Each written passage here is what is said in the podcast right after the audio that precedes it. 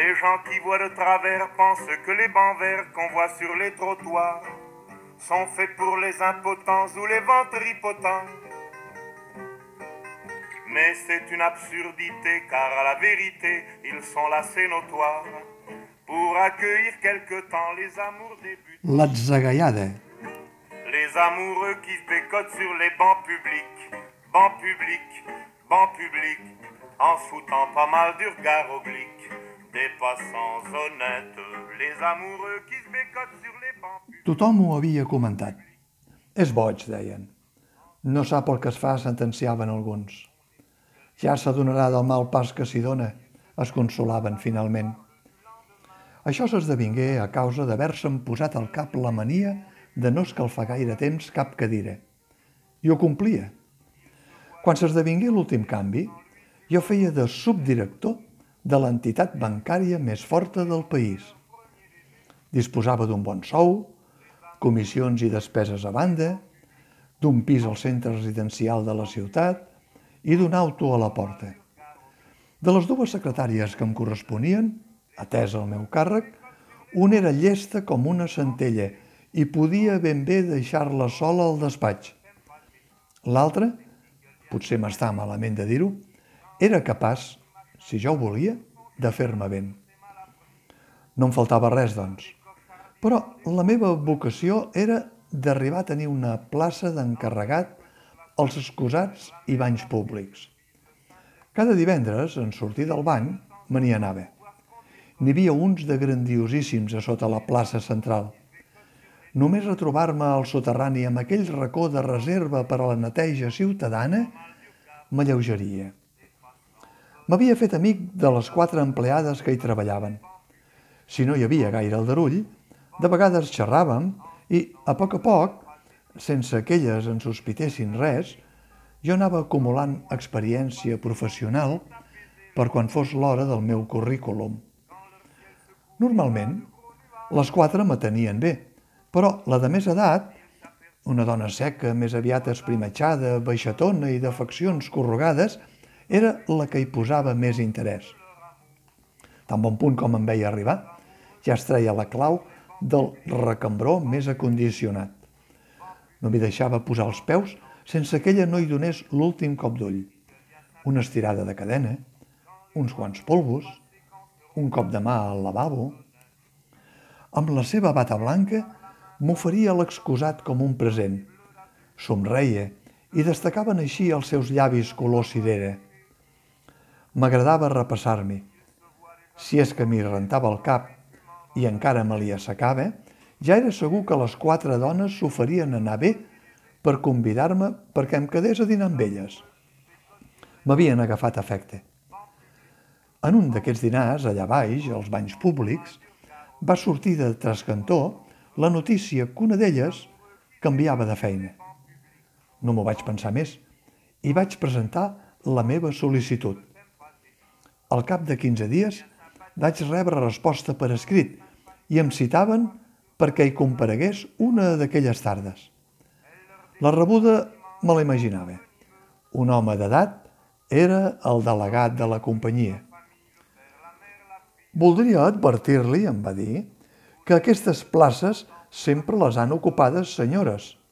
Senyores com cal, això sí, vídues, solteres, ja d'edat.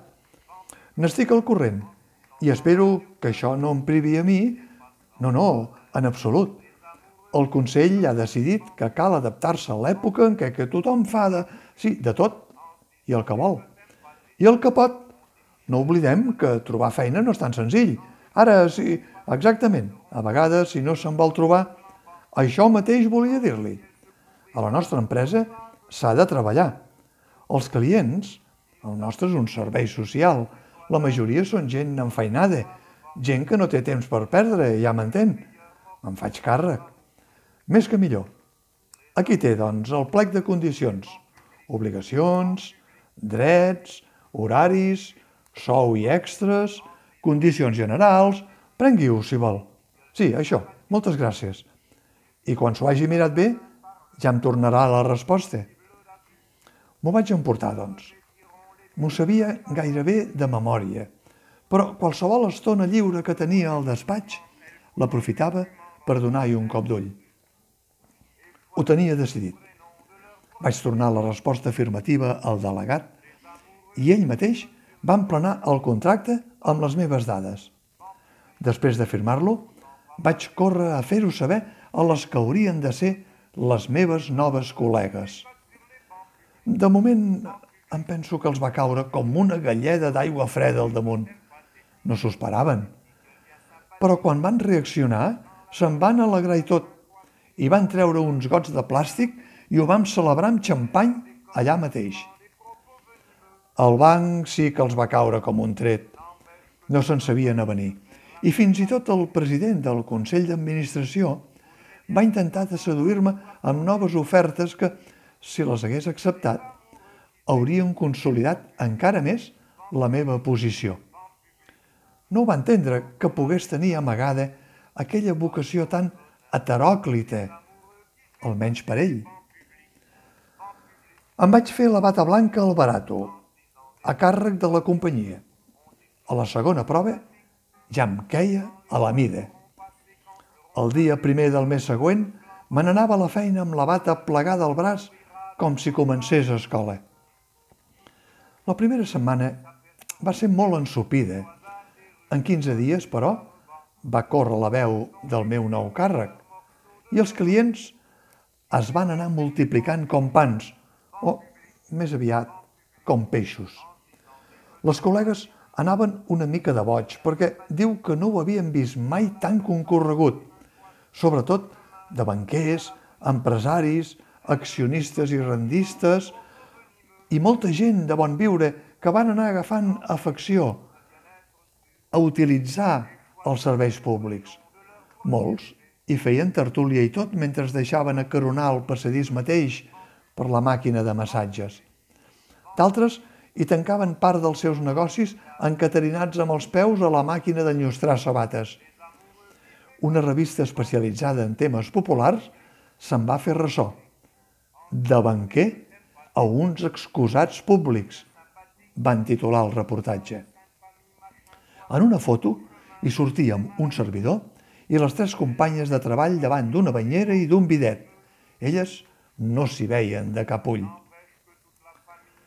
Però vaig enginyar una atzagallada que em va facilitar de fer un altre cop de cap.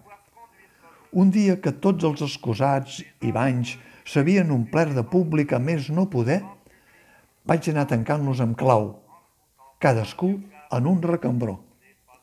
Quan ho vaig tenir llest, em vaig posar totes les claus en un serró. Vaig apagar tots els llums desconnectant la clau de pas general i me'n vaig anar. En ser dalt, ja fora del soterrani, vaig llançar totes les claus amb el serró inclòs a la primera claveguera que vaig trobar. L'endemà ja no hi vaig tornar. I és que, de fet, ja tornava a començar a estar-ne tip i no sabia com desfer-me'n. Quand leur ciel se couvrira de gros nuages lourds, ils s'apercevront émus que c'est au hasard des rues sur un de ces fameux bancs qu'ils ont vécu le meilleur morceau de leur amour. Les amoureux qui se bécotent sur les bancs publics, bancs publics, banc public, en se foutant pas mal du regard oblique des passants honnêtes. Les amoureux qui se bécotent sur les bancs publics, bancs publics, bancs publics, en se disant des je t'aime pathétiques, ont des petites gueules bien sympathiques